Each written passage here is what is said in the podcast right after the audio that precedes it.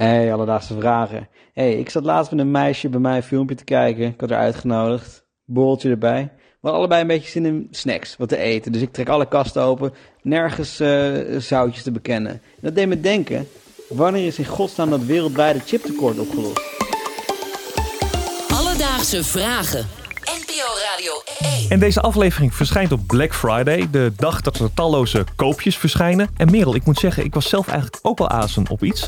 Namelijk een PlayStation 5, maar die krengen zijn niet te verkrijgen door dat chiptekort. Ja, het schijnt, ja. Ik, ik ben helemaal niet zo in de chips en ook niet in de spelcomputers. Dus uh, Dit praat me bij.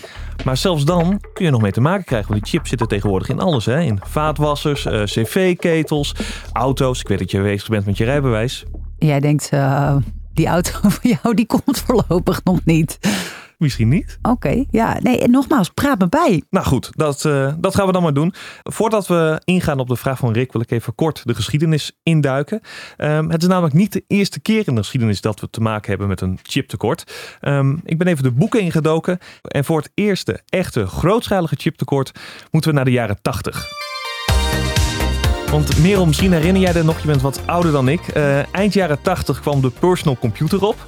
Uh, en toen moesten natuurlijk ontzettend veel chips gemaakt worden. Uh, er was een enorme vraag naar die dingen, vooral in de VS. Maar vooral Japan, die maakte die chips. Konnichiwa. En Japan, die deed dat heel goed en vooral goedkoop. Goedkoper dan in de VS, waardoor heel veel bedrijven daar failliet gingen. En nou ja, de VS vond het niet leuk en die dachten, wij gaan ingrijpen. We leggen economische sancties op Japan om die chips net zo duur te maken als onze Amerikaanse Nou ja, dat plan ging helemaal verkeerd. Japan dacht, ja, toedeledokie, we gaan jullie niks meer leveren. Uh, en zie daar een enorm chiptekort. Uiteindelijk is het weer opgelost. De sancties zijn opgeheven. En Japanse medewerkers werkten dag en nacht door om het chiptekort op te lossen. En na een jaar waren ze vanaf. Maar dat was het eerste echte chiptekort en de grootste tot nu. Dat klinkt zorgwekkend. Ja, we hebben nu een groter probleem. Ja, het muziekje was leuk, maar de inhoud minder. Ja, het inhoud is inderdaad minder. Terug naar de vraag van Rick, want wanneer is ons huidige chipprobleem dan een keer opgelost? Voor een antwoord op die vraag belde ik met Kofi Makinwa. Hij is hoogleraar aan de TU Delft en gespecialiseerd in microelektronica, oftewel chips. En hij vertelt hoe het chiptekort waar we nu mee te maken hebben eigenlijk is ontstaan. Ja, de chiptekort uh, is ontstaan uh, tijdens uh, corona toen was er heel veel uh, paniek onder kopers van chips. En ze hebben hun, hun orders annuleerd bij de chipfabrieken. En wat is gebeurd is uh, dat andere bedrijven hebben de, de ruimte opgevuld. Dus de focus van de chipfabrieken uh, is gaan veranderen. Van onder andere chips voor auto's richting chips voor platte beeldschermen. En toen corona afgelopen was, kwamen de oude klanten terug. En toen was er geen ruimte meer, want de chipfabrieken waren vol. Door corona annuleerden veel bedrijven dus hun bestellingen, waardoor de chipindustrie op zoek ging naar nieuwe contracten. Maar na corona wilden de oude klanten terugkomen, maar dat kan dus niet omdat er langdurige contracten zijn met die nieuwe afnemers. En dan denk je, bouw wat nieuwe fabrieken om dit probleem op te lossen, maar dat gaat niet zo makkelijk volgens Kofi. Het kost zeker een jaar of drie, vier voordat je een nieuwe chipfabriek hebt gebouwd. Dus eigenlijk, het is niet zo makkelijk om aan de vraag aan te passen. Dus als de vraag toeneemt, want na corona kwam een soort uh, een boom, een, groei, uh, groeispurt. Maar de, de konden, konden niet aan de vraag voldoen. En om dat capaciteit uit te breiden, door de complexiteit van chipfabrikage, duurt dat jaren. Drie tot vier jaar. En ook heel veel geld. Want de chipfabriek Schrik niet, het kost ongeveer 10 miljard om een state-of-the-art chipfabriek uh, op te richten. Ik moet even bijkomen van het bedrag. 10 miljard. Ongekend. Niet normaal, hè? Even terug naar die jaren 80.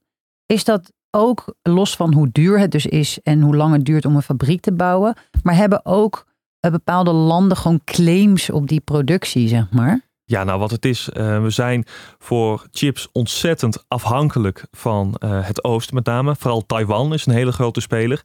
Ja, daarnaast hebben we de VS, maar in Europa hebben we maar een fractie van het aantal chips dat hier geproduceerd kunnen worden. Dus het is inderdaad ook, als je naar geopolitiek kijkt, zijn dat echt bepaalde landen die daar een veel grotere vinger in de pap hebben. Nou, dat wordt eh, over drie jaar Black Friday pas voor jou. Ja, nou, ik heb het dus eventjes gevraagd. Het duurt drie tot vier jaar om zo'n fabriek te bouwen. Betekent dat dan ook dat we zo lang moeten wachten? Nou, Kofi is iets hoopvoller gestemd. Ik denk dat het duurt nog anderhalf jaar voordat vraag en aanbod weer in evenwicht komen.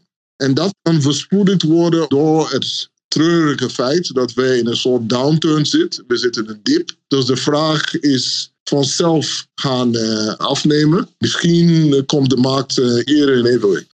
Ik bedenk me wel de hele tijd, kijk, als je van gamen houdt, kut. Als je graag een nieuwe auto wil, ook onhandig. Maar er zijn natuurlijk ook sectoren waar het echt, denk ik, een mega probleem is als die chips niet geleverd kunnen worden of af zijn. Zoals de zorg. Ik bedoel, je zal maar aan een hartmonitor liggen en die zijn afhankelijk van chips. Of roep ik nu maar wat? Nee, je roept zeker niet wat. Um, in 2021 trok Philips al aan de bel. Uh, die zei van ja, jongens, wij komen in de problemen uh, met uh, dit gebrek aan chips. Wij kunnen niet meer genoeg hartapparatuur leveren. Dus er is zeker een probleem. En de Europese Commissie heeft onlangs ook een aanbeveling gedaan aan lidstaten dat ja, wanneer het chips zijn, voorrang te geven aan bedrijven die producten maken voor de medische sector. Ja, nou, aanbeveling is leuk, maar moet je je niet gewoon zeggen, dat moet gewoon? In een ideale wereld wel. Dus, Mark, om antwoord te geven op je vraag wanneer is het chipprobleem opgelost, dat kan helaas nog wel een tijdje duren. En dat komt omdat de chipfabrieken die er nu zijn al vol zitten met opdrachten van klanten. En een nieuwe fabriek bouwen, dat kan wel, maar dat kost jaren en is ontzettend duur. Wel is het zo dat we naar een economische dip gaan en de vraag voor chips daardoor wat aan het afnemen is. Maar toch moeten we rekening mee houden dat we voorlopig nog geen fijne, mooie chips hebben. Heb jij ook een vraag? Stuur ons dan een berichtje op Instagram. Dat is Alledaagse Vragen. Of stuur een mailtje naar alledaagsvragen.radio1.nl en dan zoek ik het voor je uit. Alledaagse Vragen. NPO Radio 1. PNN Vara.